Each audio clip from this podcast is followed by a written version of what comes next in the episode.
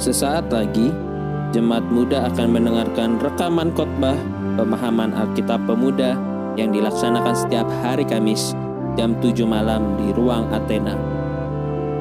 Dari GKI Kebayoran Baru, selamat mendengarkan.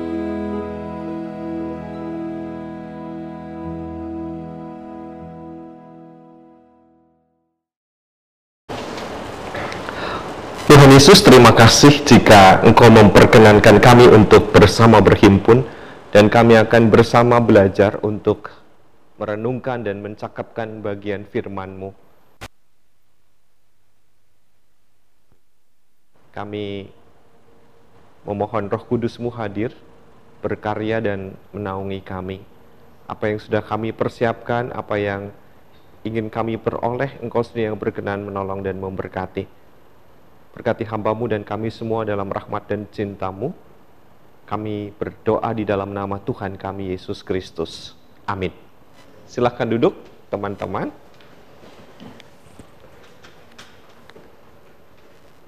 Hari ini tempatnya terbelah menjadi dua ya.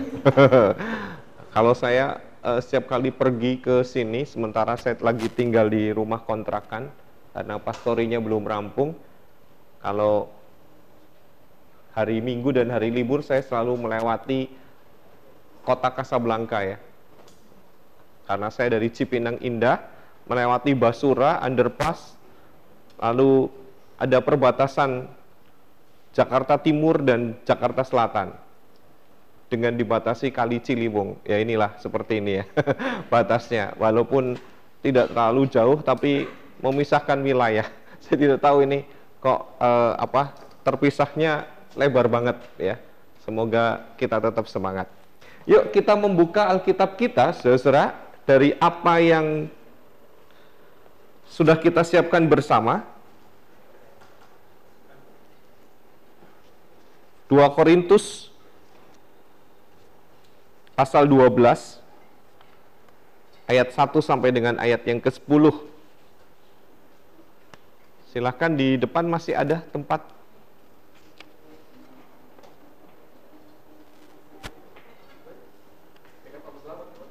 Eh, silahkan.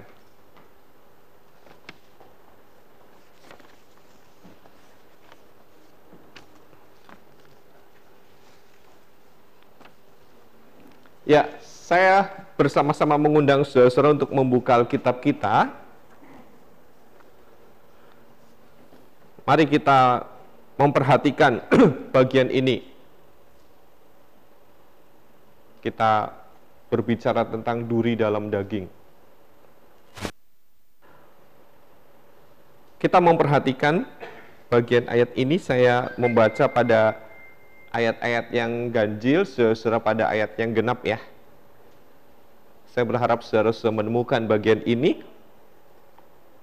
Bagaimana Paulus melalui bacaan kita ini menerima penglihatan dan penyataan Tuhan Allah bahwa apa yang dilakukan dan dialami ini bukan semuanya mulus, bukan semuanya gampang ya. Ada yang menjadi penghalang, itulah duri dalam daging.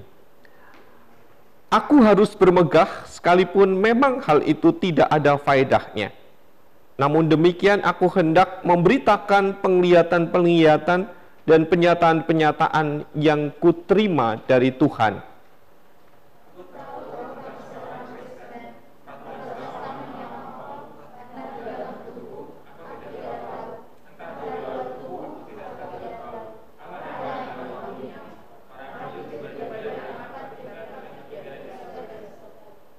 Aku juga tahu tentang orang itu, entah di dalam tubuh, entah di luar tubuh. Aku tidak tahu. Allah mengetahuinya.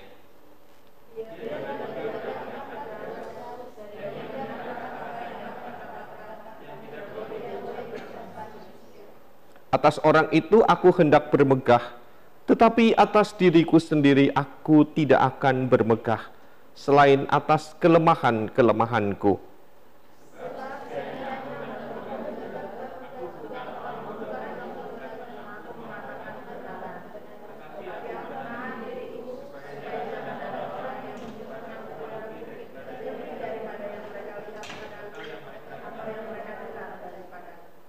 Dan supaya aku jangan meninggikan diri karena penyataan-penyataan yang luar biasa itu, maka aku diberi suatu duri di dalam dagingku, yaitu seorang utusan iblis untuk menggocoh aku, supaya aku jangan meninggikan diri.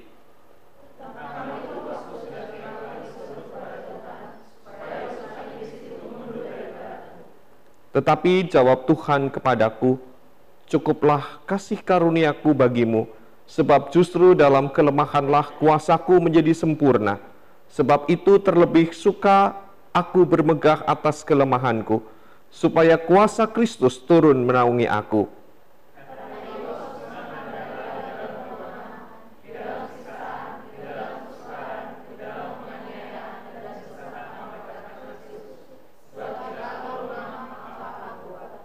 Iya, saudara, saya meyakini bahwa setiap kita pernah punya pengalaman, khususnya pada masa kanak-kanak. Saya tidak tahu apa namanya pengalaman itu, tapi saya meyakini saudara pernah mengalami satu kejadian di mana bagian jari, bagian tangan, atau bagian kaki itu tertusuk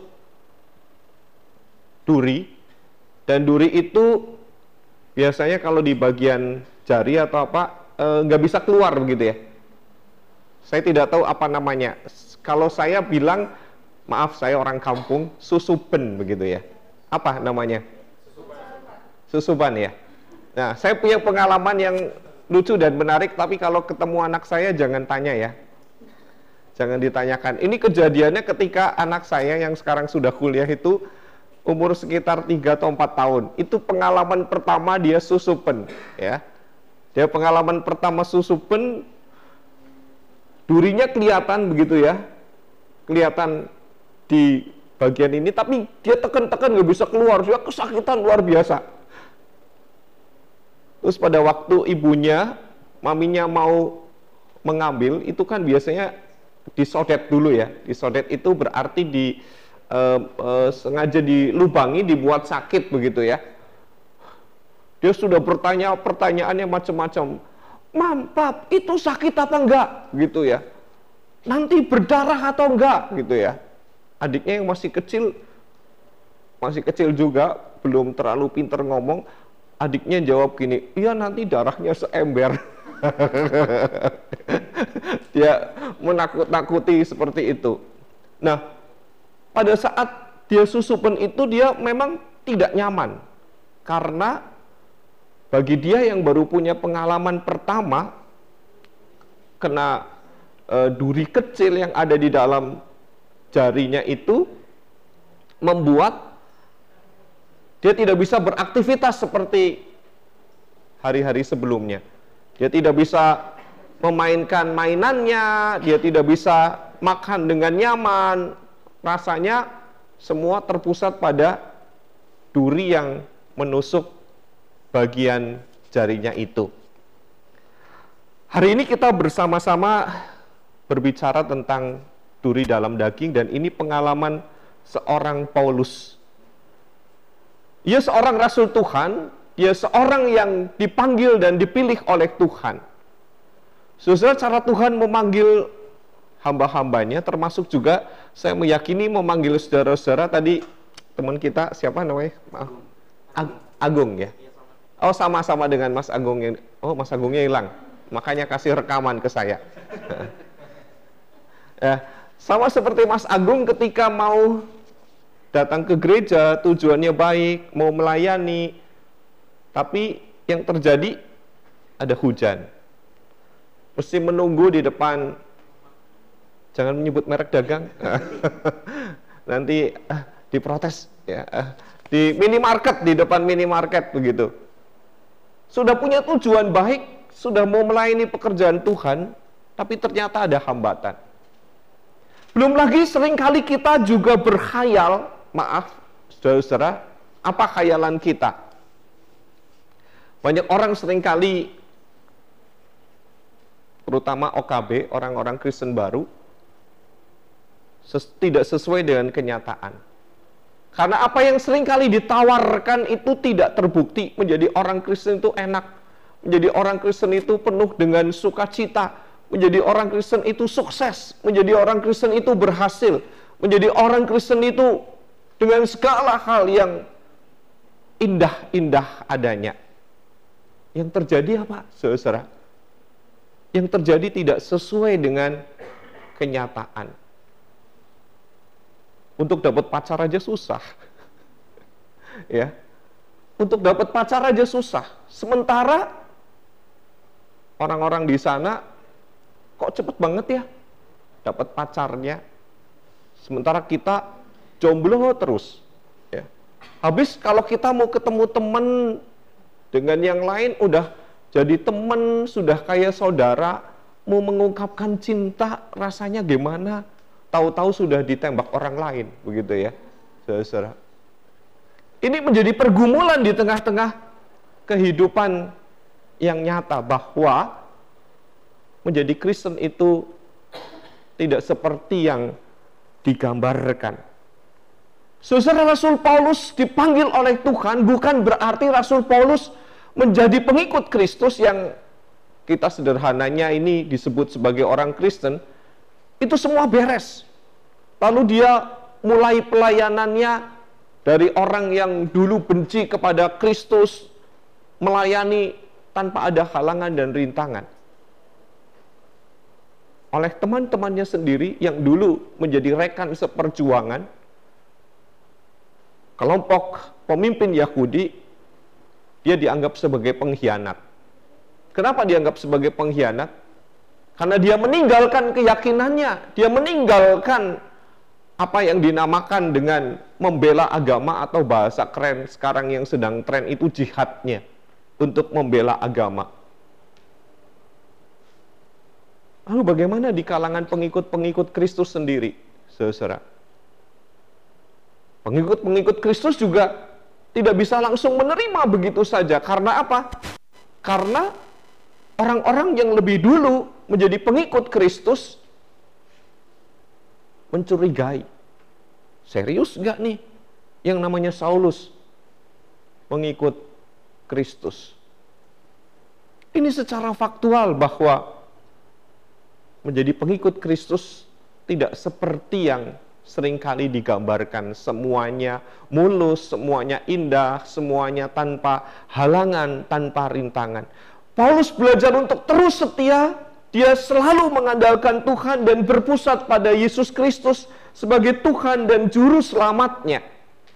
Di tengah-tengah kenyataan seperti ini, ia menjumpai ada orang yang faktanya hidup dalam suasana yang enak, suasana yang indah, suasana yang baik Rasul Paulus mengatakan ia orang yang dilihatnya itu naik ke tempat kemuliaan. Dalam bahasa yang digambarkan Paulus dengan menghubungkan apa yang namanya firdos, ya. Saudara, sebenarnya istilah firdos itu istilah yang umum di tengah-tengah kehidupan gambaran dunia Persia. Mengapa umum, saudara? Yang namanya Firdos dibahasakan dengan bahasa dari latar belakang Persia ini adalah taman raja yang berpagar. Nah, saudara, tidak semua orang bisa masuk ke taman raja ya. Taman raja itu taman milik raja. Karena itu dipagar, dibatasi, dan tidak semua orang juga bisa melihat yang namanya taman raja itu. Lalu siapa yang bisa masuk ke dalam taman raja itu? Hanya orang-orang yang diundang oleh raja itu sendiri. Dan pada waktu raja mengundang orang yang dipilihnya untuk berada di dalam taman itu, saudara, maka orang itu diajak bercakap-cakap oleh raja sendiri. Diajak untuk berjalan bersama dengan raja. Diajak untuk menikmati apa saja yang ada di dalam taman itu. Semuanya terlihat tentram, nyaman, damai, indah. menikmati suasana yang penuh dengan sejahtera dan ketentraman. Paulus melihat ada orang yang demikian. Ia bangga terhadap situasi yang semacam itu yang digambarkan adalah orang yang diangkat dalam kemuliaan dan Paulus mengetahuinya sendiri. Lalu bagaimana dengan dengan Paulus?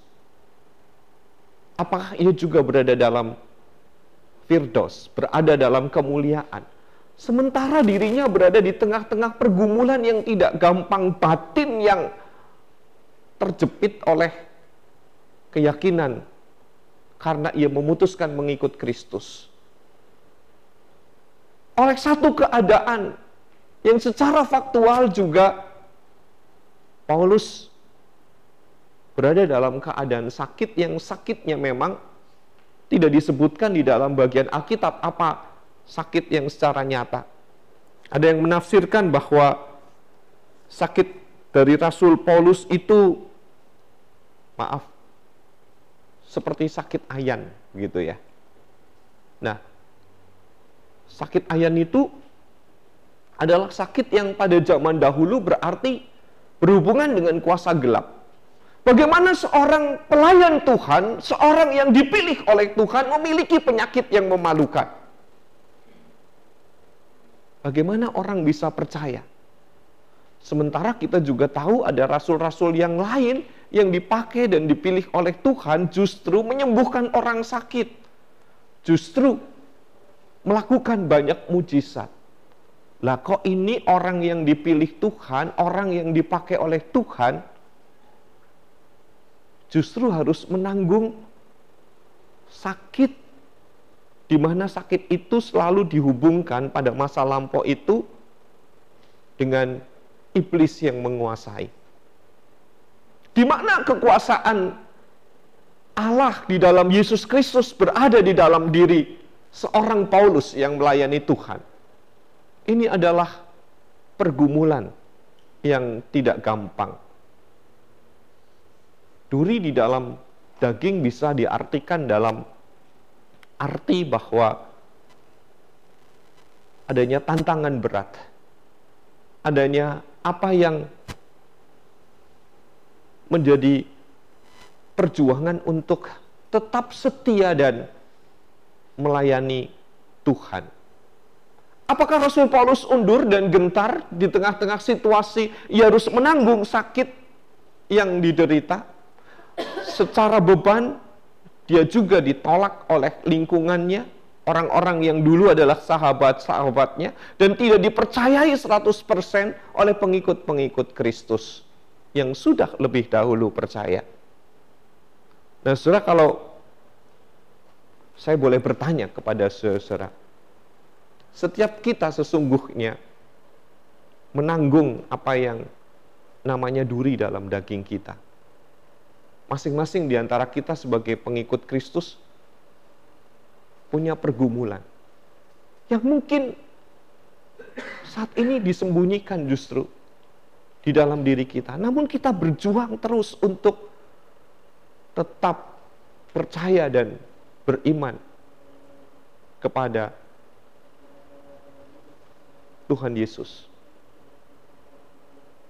Saudara kalau boleh membagikan saya kebetulan handphone saya rusak beberapa saat ini saya meyakini handphone saya su sudah banyak yang mengirimkan uh, eh, WA entah berapa puluh ribu karena saya ada beberapa grup begitu ya ada grup yang jelas saya karena saya dibesarkan di tengah-tengah lingkungan di mana saya hanya sedikit sekali orang Kristennya. Saya sekolah di sekolah di mana saya pernah dalam satu sekolah, satu sekolah, Kristennya saya sendiri. Lalu saya pernah juga sekolah tidak pernah dalam jumlah yang banyak kecuali pada saat saya kuliah semua teman-temannya Kristen karena saya masuk sekolah teologi ya. Nah mereka buat grup, saya masuk di dalamnya dan saya paling hanya beberapa yang Kristen. Bahkan dulu yang Kristen yang saya kenal ada sekitar lima atau enam orang, dua atau tiga orang sudah menjadi seperti mereka karena pernikahan ya.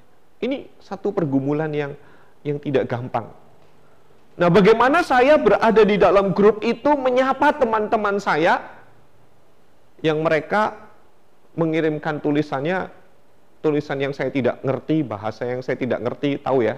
Apalagi di tengah-tengah bulan puasa seperti ini. Bagaimana saya bisa tetap berkawan dengan mereka terlebih ketika mulai muncul gesekan yang berkaitan dengan masalah iman dan keyakinan. Mulai dari gerakan 212 itu ya, itu kan persahabatan dan pertemanan kita udah mulai terasa dengan keadaan yang berbeda. Lalu ketika, maaf,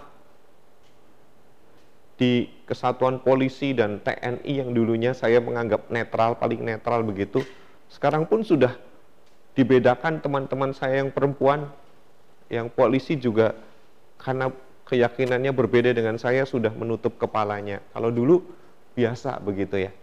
Bagaimana saya tetap harus eksis di tengah-tengah grup itu? Saudara saya tetap mengucapkan misalnya di awal puasa selamat berpuasa, di tengah-tengah Idul Fitri saya mengucapkan Idul Fitri. Tapi saya belajar untuk tidak mengharap mereka mengucapkan selamat Natal. Karena bagi mereka mengucapkan selamat Natal menjadi persoalan. Dulu tidak ada masalah. Tapi ternyata di balik itu teman-teman saya japri, ya. Selamat Natal ya, saudaraku. Kemarin juga saya cukup terkejut karena apa? Saya mendapatkan ucapan selamat Paskah. Dan selamat Paskah itu dikirimkan dari orang yang tidak pernah saya duga kalau dia akan mengucapkan selamat Paskah. Nah, saudara, di tengah-tengah pergaulan kita, di tengah-tengah sekolah, di tengah-tengah pekerjaan, di tengah-tengah apa pun juga, saya meyakini saudara harus berjuang karena ada pergumulan tentang iman. Kira-kira apa yang sering kali saudara merasa berat ketika harus menunjukkan identitas diri kita sebagai pengikut Kristus? Saya ini berada di tengah-tengah lingkungan yang saya mungkin hanya satu dua orang saja yang Kristen yang menjadi pengikut Kristus. Bagaimana cara saudara menunjukkan itu? Dan mungkin itu untuk mengungkapkan bahwa saya ini Kristen. Bagaimana caranya? Tapi tetap menunjukkan identitas diri kita. Ini bukan hal yang gampang ingin menunjukkan Kristus di dalam hidup kita, tapi ternyata berat. Apa yang saudara lakukan biasanya kalau hal semacam ini? Ada yang punya pengalaman?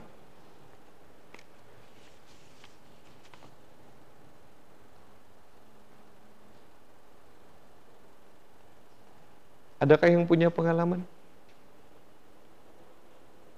Tapi ketika saudara menunjukkan keberanian kita, Ternyata orang juga mau menolong kita loh. Ya, mari kak. Kayaknya cukup ya, berharap. Ah, masih, masih. Oke kak. Bisa ya? Ini ini mati. Oke coba. Pengalaman dua minggu yang lalu saya ke kantor lama saya. Kantor lama ya? Kantor dulu di mana pernah bekerja gitu?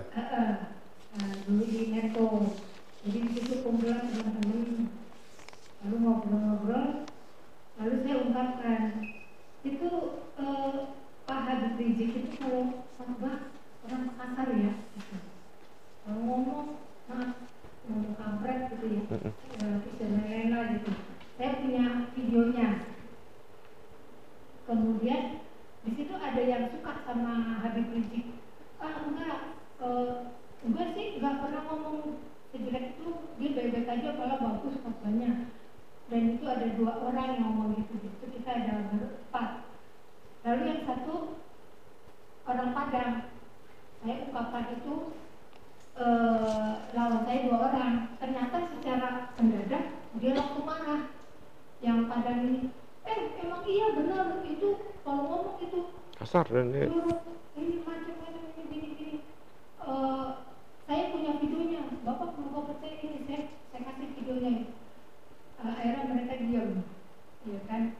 Nah salah satu temen yang tadi ngomong eh, yang dia membela Habib Rizik dia bilang gini itu terus Ahok juga kawin lagi katanya gitu Katanya orang Kristen nggak boleh kawin lagi. Iya, kata orang itu kata boleh kawin lagi. Wah, ini parah ini kayaknya. Kalau diteruskan nggak baik gitu. Lalu saya tujuannya apa ke sana? Saya langsung fokus ke tujuan saya. Pak, ini gimana? Suratnya udah dibuat belum? Ah, udah saya pikir buat apa diteruskan lagi? Karena hasilnya juga nggak bakalan bagus. Saling memenangkan diri sendiri. Ya, Pak. Jadi Hmm. saya tunjukkan eh, kita itu hidup eh, berbeda agama tapi terus ada kedamaian. Oke, adakah yang lain, saudara?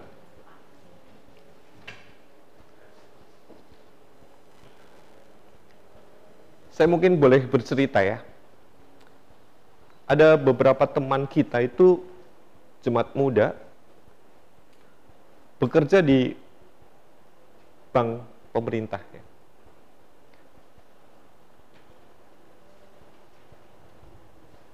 Dan dia perempuan. Ini incarannya perempuan nih selalu. Maaf ya, ini eh, eh, apa namanya supaya kita hati-hati aja. Teman-temannya tahu kalau dia Kristen. Kenapa tahu dia Kristen? Pasti dari pakaiannya. Yang pertama dari pakaiannya karena berbeda dengan teman-teman yang lain. Dari penampilan yang menggunakan udah ngerti lah ya. yang sering kali dilakukan, dia bercerita, Pak Pendeta, saya sebagai minoritas selalu didesak dengan kata-kata begini.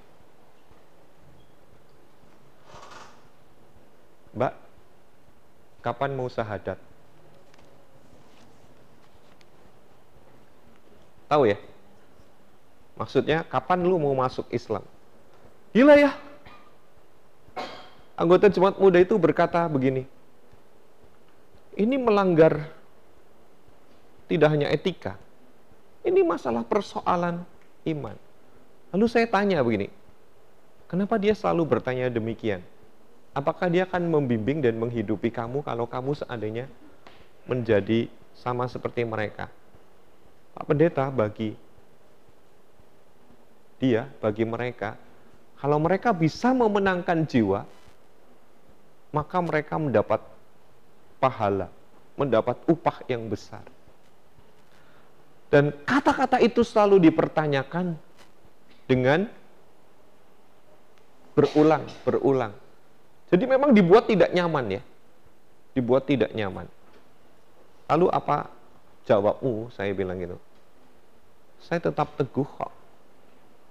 Itu yang yang bisa dilakukan untuk mempertahankan diri menjadi seorang anak Tuhan di dalam panggilan pekerjaannya.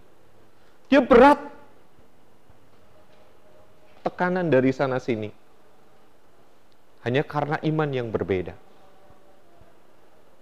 Kebetulan saya menjadi salah satu nasabah di bank di mana sama seperti pemuda kita bekerja. Dan saya melihat betul ada seorang yang namanya Kristen sekali. Karena itu di bank kan biasanya ada tulis ya di setiap uh, bagian teller namanya siapa? Naomi Sondang S. S-nya saya tidak tahu silalahi, si kombing atau apa. Tapi dia halak kita ya. Baru uh, dari Tanah Batak. Dia kena. Karena apa? Karena mungkin teman-temannya melakukan desakan, desakan, desakan, dan desakan. Lalu dia juga didekati oleh cowok oleh siapa sehingga tidak dirinya tidak siap dengan iman yang dijalani. Kebetulan di rumah kami juga keponakan ikut ikut kami ya. Tinggal di rumah karena dia bekerja di Jakarta. Setelah dia menempuh studi dia kerja di kantor pajak. Pada saat dia bekerja pertama senang banget itu kenapa karena ditempatkannya di kanwil pajak Manado di mana dia membawai provinsi bekerja membawai kanwil di sana membawai Sulawesi Utara, Gorontalo, Sulawesi Tengah, lalu e, Maluku Utara. Dia seneng karena apa? Karena dia bisa makan babi dengan bebas katanya. dia bisa makan babi dengan bebas. Awalnya dia ketika datang di Manado pertama kali bekerja di sana orang-orang bisik-bisik dia Kristen nggak ya karena takut kalau orang Jawa mah jarang yang Kristen kata ini. Terus uh, dia pergi ke persekutuan, loh kok kamu ikut persekutuan, emang kamu Kristen begitu ya? Loh saya Kristen gitu. Dia bilang begitu. Jadi karena tahu keponakan saya Kristen, dia selalu diajak ke persekutuan, lalu makan makanan favoritnya orang Manado. Namun ketika dia ditempatkan di Jakarta, dia bilang, Om, saya hanya seorang diri di satu lantai di unit di mana saya ada. Saya bekerja. Dia juga didekati oleh teman-temannya. Kemudian keponakan cowok ya. Didekati oleh temannya. Dan yang mendekati itu namanya nama Kristen. Ya. Nama yang identitasnya sebenarnya orang Kristen. Temannya tuh bilang begini, Tok, tok ya tok lu kayak gua aja tok katanya gitu. Ngapain? Ya jadi seperti aku nanti dapat jodohnya gampang gitu ya. Karena yang ngajak bicara itu sudah lebih dahulu jadi mualah Saudara, inilah yang tidak gampang di tengah-tengah apa yang dijalani oleh seorang pengikut Kristus di tengah-tengah panggilan hidup yang nyata. Dan di situlah dibutuhkan keberanian. Menyesak ya sebenarnya. Nyesek artinya apa? Kita bekerja dengan sungguh-sungguh, tapi ada hal yang membuat kita tidak nyaman. Karena iman kita, karena kepercayaan kita. Dan ketika kita tidak siap dengan situasi yang semacam ini, bagaimana Kristus kita tempatkan di dalam hidup kita? Rasul Paulus yang mendapat desakan dari sana-sini di tengah-tengah situasi yang semacam itu, belajar untuk bertahan memang bukan hal yang gampang. Ya, belajar untuk bertahan memang bukan hal yang gampang. Ada banyak senior yang mengatakan, termasuk anggota jemaat yang bisa punya kedudukan dan jabatan sampai tinggi. Tapi jangan pernah berharap orang Kristen itu dengan nilai yang sama untuk menduduki posisi yang tinggi. Dan itu harus disadari. Karena sudah ada batasan lebih dahulu. Apa batasannya? Salib yang harus kita pikul dan salib yang harus kita pikul itu adalah duri. Iman kita yang harus kita pertahankan. Saudara, apakah saudara memperhatikan ketika ada kenaikan jabatan yang diwartakan secara terbuka di media online, di koran, atau di media apa pun, ketika ada kenaikan pangkat dari perwira menengah menuju ke perwira tinggi. Berapa? Banyak. Selain orang Kristennya tentu tidak banyak. Ada seorang perwira mengatakan kepada saya, Pak Pendeta, untuk bisa naik dari kolonel atau dari kombes, ke bintang satu.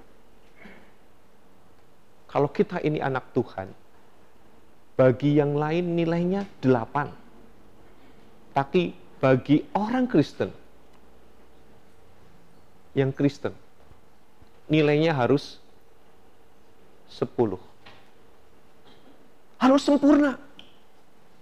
Baru bisa menduduki posisi dan jabatan tertentu. Saudara banyak orang sering kali nekat ya dengan apa yang diambil dan diputuskan. Karena tidak tahan dengan duri dan daging, duri dalam daging karena kekristenan yang dimiliki. Ini benar-benar satu pengalaman, maaf, kalau ini benar terjadi di tengah-tengah keluarga saya. Kejadiannya pada era Orde Baru sebenarnya tidak langsung berhubungan dengan saya sebagai keluarga karena itu sepupu dari kakak ipar saya. Ya. Ke kebetulan kakak ipar saya itu semua dari keluarga Kristen ya, turun temurun dari keluarga Kristen dan sebagian juga berjemaat di GKI Kebayoran Baru. Hanya karena kedudukan, saudara, karena kedudukan dan karena jabatan. Pada waktu itu ada syarat di daerah tertentu untuk menjadi seorang kepala kantor wilayah ya. Berarti kan pejabat di tingkat provinsi ya, Kakanwil itu ya.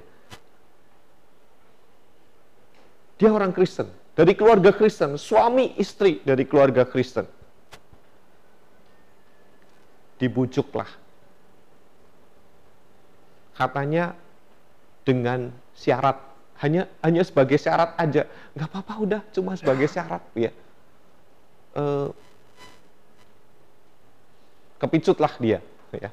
Keluarga itu lalu dia ditempatkan di tengah-tengah posisi di mana dia bisa menduduki jabatan itu. Wah jabatan yang terhormat ya. Di tingkat provinsi coba setingkat dengan gubernur setingkat dengan kapolda kala itu orang top tapi apa yang terjadi, saudara? Ini saya bukan menakut-nakuti ya, saudara. Dia baru menjabat beberapa saat. Padahal jabatannya lima tahun. Mungkin baru satu setengah tahun menikmati jabatan itu, kayaknya belum satu setengah tahun juga menikmati kedudukan itu. Dan keputusannya untuk meninggalkan Kristus juga disertai dengan tindakan tentunya ya, tindakan secara rutinitas, dia tidak lagi pergi ke gereja, perginya ke tempat yang saudara tahu begitu ya. Ritual-ritual keagamaannya juga menjadi berubah begitu. Keadaannya berubah, sekalipun pada waktu itu istrinya tidak seperti pejabat sekarang, kepalanya tetap bisa terlihat dengan konde begitu ya pada waktu itu. Namun apa yang terjadi, saudara-saudara? Ini bukan satu kebetulan ini juga bukan karena saya ber, bercerita bahwa itu karena kutuk atau karena apa. Yang terjadi di tengah-tengah dia menjabat kedudukannya sebagai orang yang terhormat. Dia terkena serangan stroke. Tidak lagi bisa apa-apa.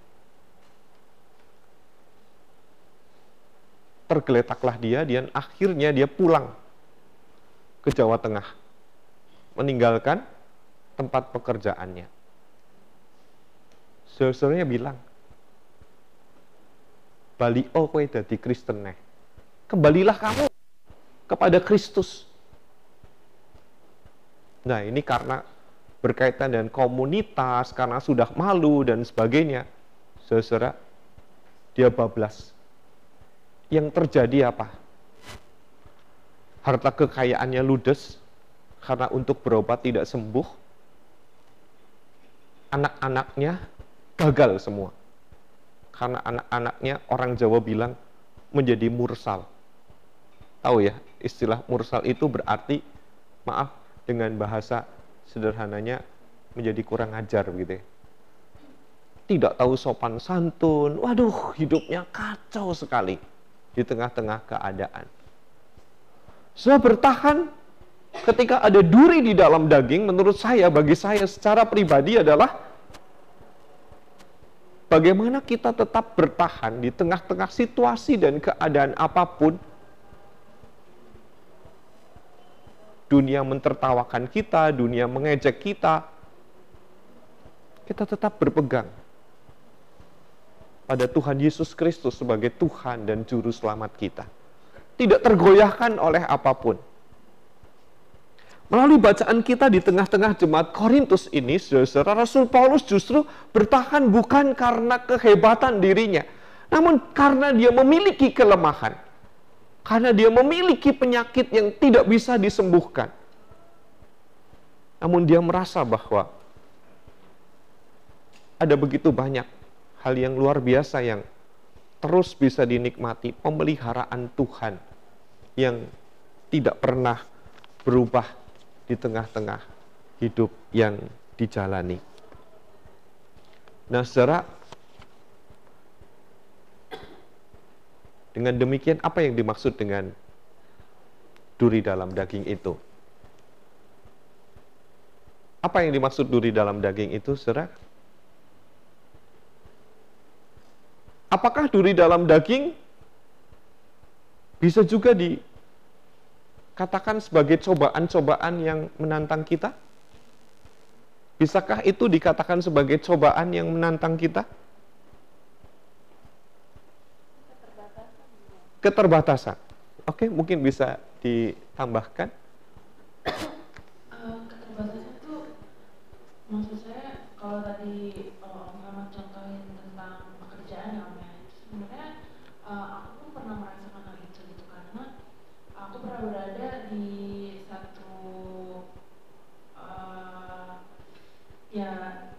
gimana juga kita memang maupun kita mau memungkirinya tapi kita memang jumlahnya lebih sedikit dibandingkan saudara-saudara kita yang lain dan tidak semua dari mereka itu punya pandangan yang cukup liberal untuk uh, apa namanya ber, ber uh, bersosialisasi dengan kita gitu. Dan di sisi lain banyak juga dari orang yang ada di sekitar aku yang aku tidak bilang mayoritas mereka justru benar-benar tidak mempunyai spiritualitas uh, aku bisa bilang begitu karena karena mereka sering meledek aku gitu. Mau mana ke gereja mulu lu kapan pacarannya selalu begitu ya. Hmm. apa itu di gereja mulu di gereja mulu di gereja mulu. Dalam hatiku ya mending gue di gereja lu kan gak ke mana-mana gitu nah tapi di situ pun aku nggak uh, gini karena aku meyakini langkahku sudah tepat jadi aku tidak mengambil hati sama sekali.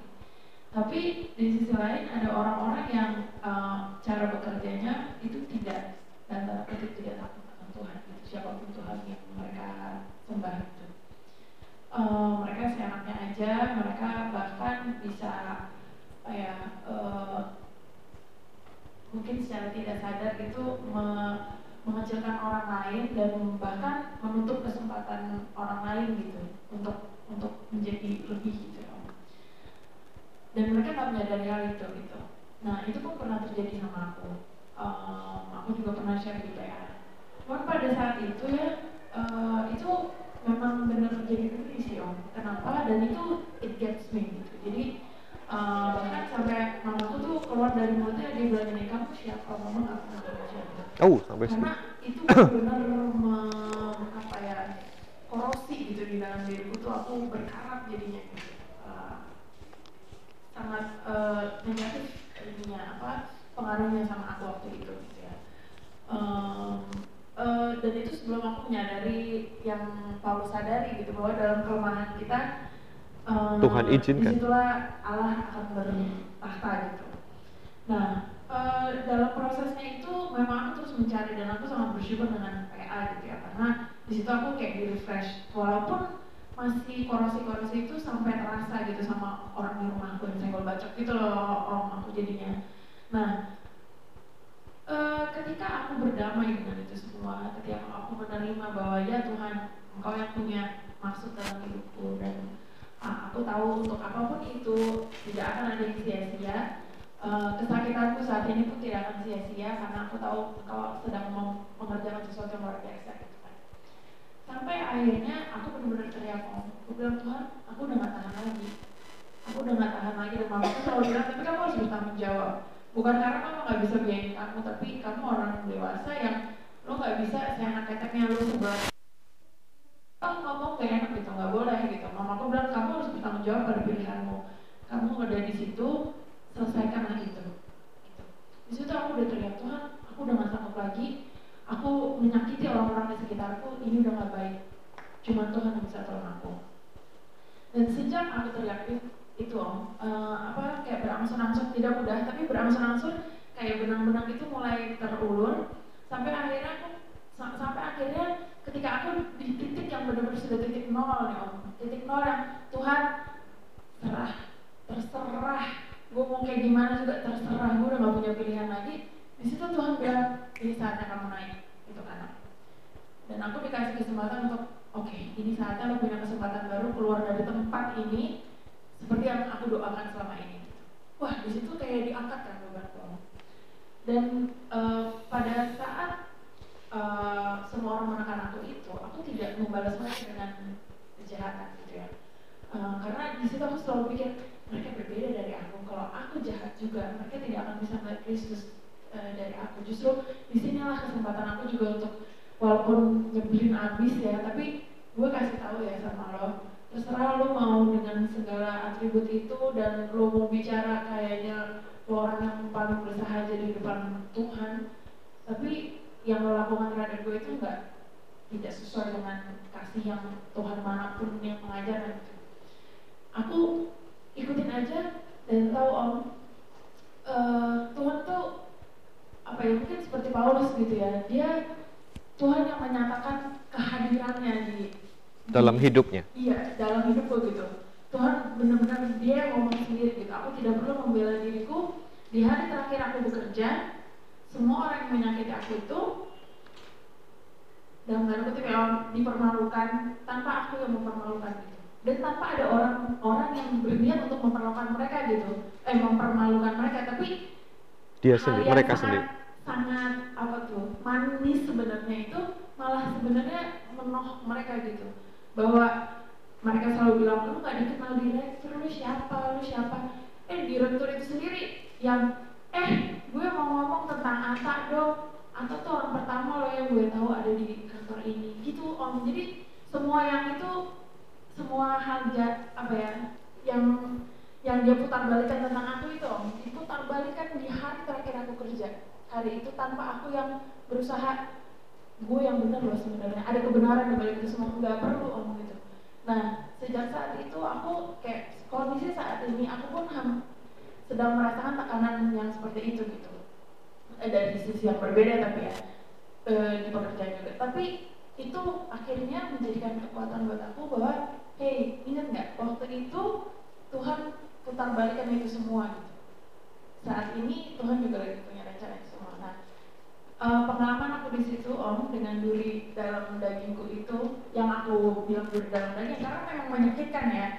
Aku gain weight itu karena itu juga gitu karena aku stres aku makan aku wah aku nggak peduli gitu dan memang terus berproses gitu. Tapi itu yang membuat aku bisa bertahan kalau enggak ya ya mungkin akan melepas kayak yang tadi om ceritain itu semua gitu justru di situlah aku merasa Tuhan mengikat aku lebih erat kepada dia karena Ata lu nggak bisa sendirian aku pun menyadari Ata aku lu nggak bisa sendirian lu akan butuh Tuhan dari hidup oke okay.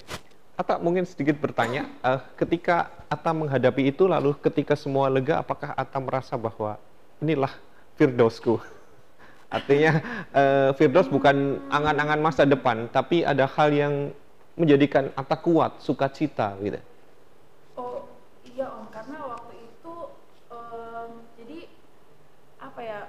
Waktu itu pas aku dapat kabar yang aku nanti nanti kabar sukacita itu om aku juga aku lagi di Pulau Dewata om jadi waktu itu kayak tiba-tiba Tuhan kasih semuanya sama aku gitu nih ya kak lo lo lagi liburan lo terima kabar yang dari kema udah udah 9 bulan om proses aku untuk dapat pekerjaan baru itu 9 bulan jadi bayangkan dalam bentuk kayak lahir baru rasanya om jadi begitu itu dia aku lagi liburan dan akhirnya aku bisa menikmati liburanku dan aku tadinya memang masih gondok jadi aku beli tiket tuh karena gue butuh liburan nih kayaknya udah enak banget gue gitu. Jadi aku memang memutuskan untuk pergi itu sebenarnya mau melepaskan beban itu semua tanpa aku tahu bahwa Tuhan tuh lagi mempersiapkan sesuatu buat aku. Di hari kedua aku di sana tiba-tiba aku ditelepon untuk uh, tanda tangan kontrak gitu.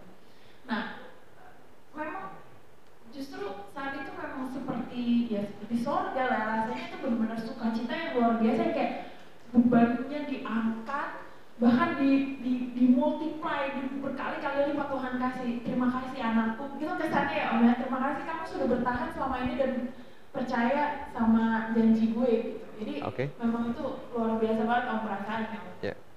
jadi seperti yang Paulus lihat ketika ada orang yang diangkat dalam kemuliaan, Paulus mendapatkan bagian sendiri. Tidak perlu iri dengan orang yang sedang dimuliakan ya, yang berada diangkat dalam penglihatan Paulus itu. Karena sesungguhnya dengan bertahan itu pun, Paulus sebenarnya sedang diangkat dalam kemuliaan. Tapi ada proses yang memang menyakitkan, yaitu bagaimana kita bertahan dalam kesetiaan kita. Ada lagi yang akan men-sharingkan pengalamannya? Kalau duri dalam daging itu bisa dikatakan sebagai cobaan-cobaan rohani seperti yang tadi Atta ceritakan. Atau mungkin yang lain. Ada yang mau dibagikan? Diserkan mungkin.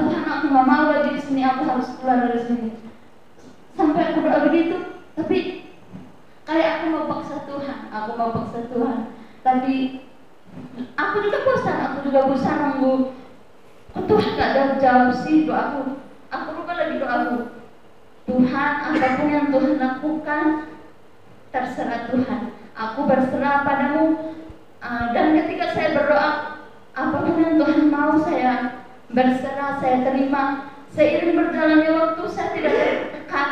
Saya merasa enjoy aja dengan kehidupan saya walaupun saya uh, keadaan itu tidak berubah, tapi saya yang berubah menjadi lebih baik. Terima kasih. Terima kasih. Tapi mesti bertahan ya. Uh, dengan siapa? Betsy. ya, dengan Betsy. Ada pengalaman yang dirasakan uh, di mana kita harus tetap bertahan karena di situlah sebenarnya dengan kita bertahan kita sedang dimampukan oleh Tuhan. Itu duri dalam daging. Ada lagi? Oh sorry saya belum hafal nama mas. Putra. Putra ya. Silakan mas. Ya kalau uh, di dalam daging. Kalau berbicara masalah menunjukkan kita seorang Kristen uh, kalau pengalaman saya mungkin dari kecil karena saya dari kecil itu di satu daerah daerah Riau mayoritas adalah Muslim boleh dan Melayu Melayu nah, jadi kalau dari kecil itu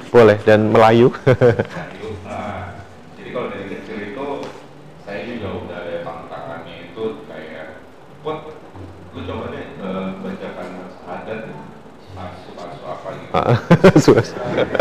Satu ala tapi belum sampai asu aja uh, dulu sih hafal lah kalimat syahadat kalau dibilang kayak bapak tadi bilang mengucapkan kalimat syahadat kita masuk ke muslim saya sih udah nggak tahu berapa kali. Muslim Kristen muslim. Karena ngucapin begitu ya? Nah, gitu. Cuman bedanya saya mingguan bukan jumatan. Ah. gitu. Itu jadi versi kecil. Pada akhirnya itu terulang lagi saat saya kerja.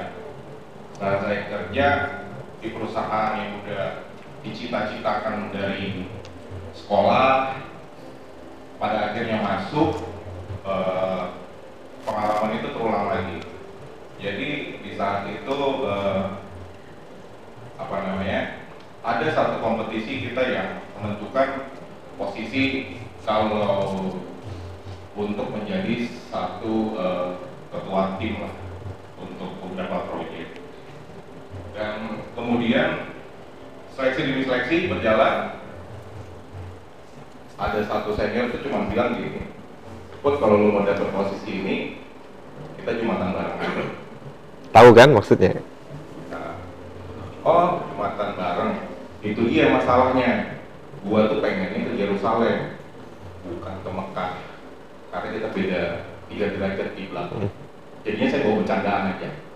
Nah, terus makin mendekati hari H makin mendekati hari H semakin kencang dan semakin keras gaungnya masalah namanya ditambahi H. gitu. Ya berhubung nama saya belakang singkatannya adalah MH saya selalu bilang nama gue udah MH Muhammad Haji. Udah kalah lu semua. Nah, pada akhirnya berita gembira itu datang. Finally saya nggak dapat kerjaan itu. Eh posisi itu. Posisi posisi itu saya nggak dapat ya pada akhirnya